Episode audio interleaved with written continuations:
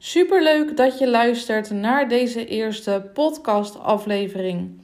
In deze podcastaflevering wil ik het met je hebben over het verkopen van jouw online programma zonder technisch gedoe. Wat ik vaak zie is dat ondernemers het zichzelf veel te moeilijk maken als ze hun online programma willen verkopen. En vooral als ze dat voor de eerste keer willen gaan doen. Ook zijn ze vaak maanden bezig met de ontwikkeling van het online programma. Ze zijn maanden bezig met het maken van video's, het maken van werkboeken, alles in een online leeromgeving zetten en alles moet er helemaal tip-top in orde uitzien. Maar als je net begint met het verkopen van een online programma, dan is dit helemaal niet nodig. Het is zelfs beter om niet te beginnen met het maken van jouw online programma, maar om eerst jouw online programma te verkopen. Want stel je voor dat je maanden bezig bent geweest met het maken en je komt er dan achter dat niemand het wilt kopen, dan heb je dus heel veel tijd verspild. Nou, in deze podcastaflevering ga ik je vertellen welke vijf simpele stappen je nodig hebt om voor de eerste keer jouw online programma te verkopen. In 2018 uh, eh, besloot ik om een training te maken over de wet AVG en ik had toen binnen twee weken 70 deelnemers voor deze training. Hierbij had ik geen funnel gemaakt, geen ingewikkelde funnel. Ik had geen online leeromgeving. Ik heb gewoon heel simpel eerst 70 deelnemers um, gekregen voor deze online training. En daarna ben ik het pas gaan ontwikkelen.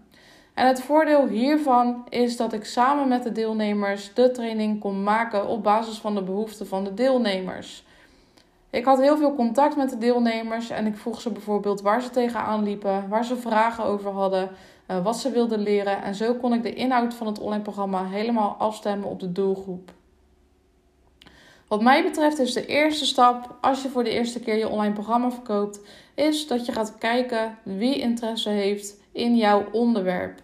En begin daarbij altijd bij je bestaande netwerk. Want het is veel simpeler om iets te verkopen aan jouw bestaande netwerk, aan mensen die jou kennen en vertrouwen, dan dat je het moet gaan verkopen aan onbekenden.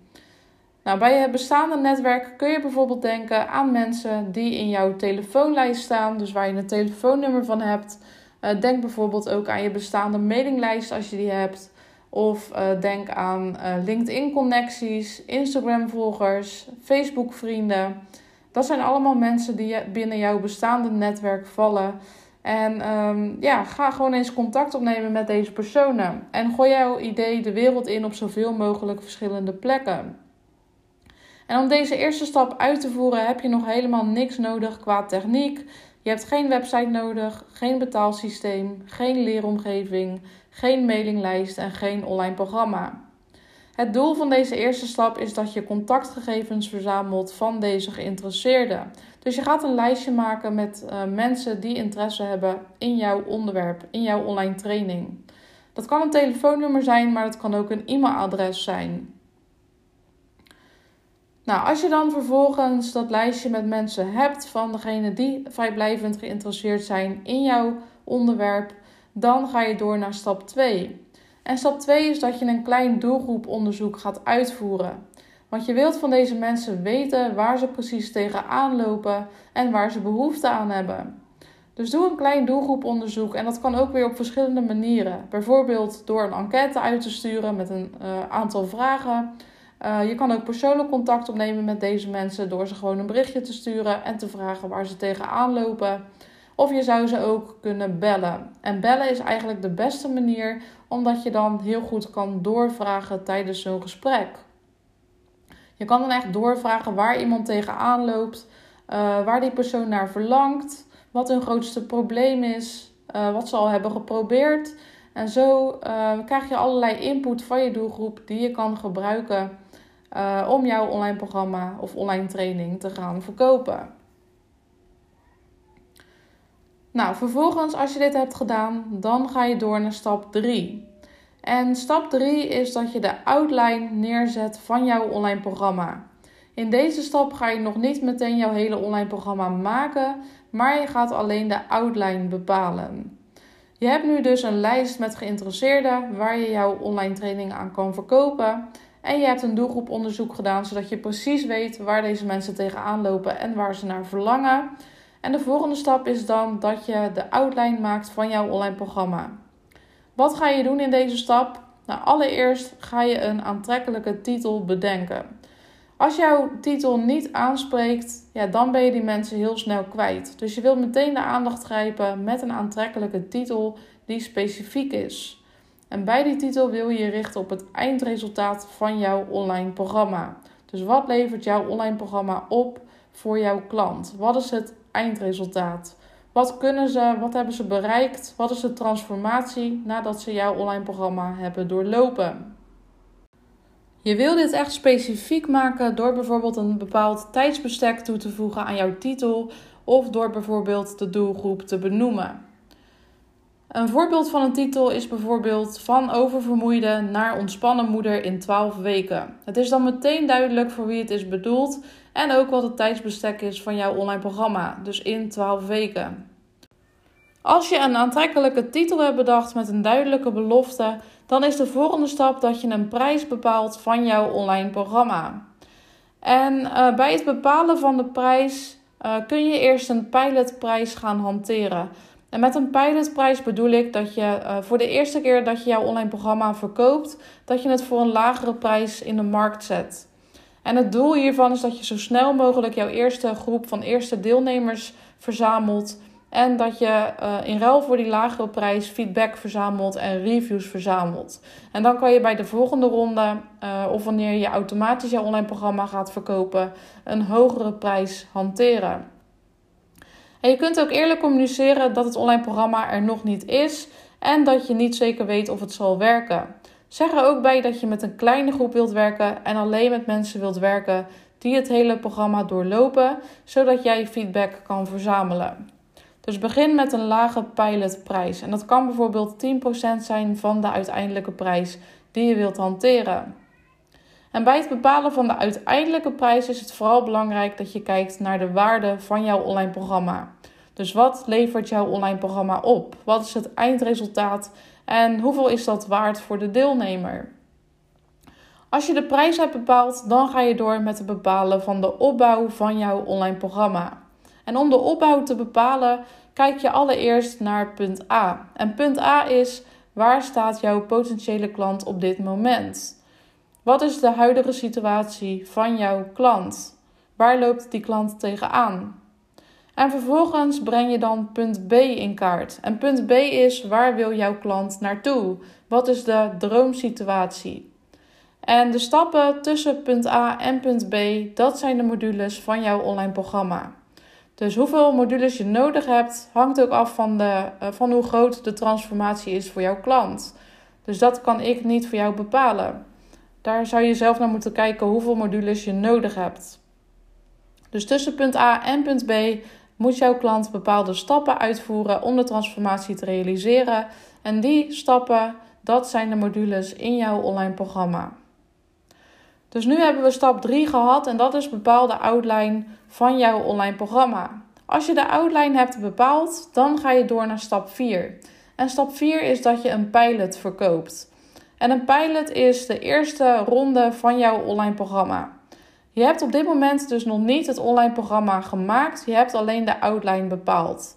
En dat is niet erg, want het is juist goed om eerst nu jouw online programma te gaan verkopen als een pilotversie, zodat je later het online programma kan gaan maken. En door eerst het programma te verkopen, voorkom je dat je maanden tijd verspilt aan het ontwikkelen van je online programma. Een ander voordeel hiervan is dat je nu samen met de deelnemers het programma kan maken, zodat je ervoor zorgt dat jouw programma 100% aansluit op de behoeften van jouw doelgroep. Bij de pilot bied je je online programma eenmalig aan voor een lagere prijs in ruil voor feedback en voor reviews. In deze stap is het belangrijk dat je uh, de uh, lijst van geïnteresseerden benadert en dat je de startdatum bepaalt van jouw pilot. Dus uh, zorg er bijvoorbeeld voor dat je nog een paar weken de tijd hebt om de eerste module te maken van jouw online programma.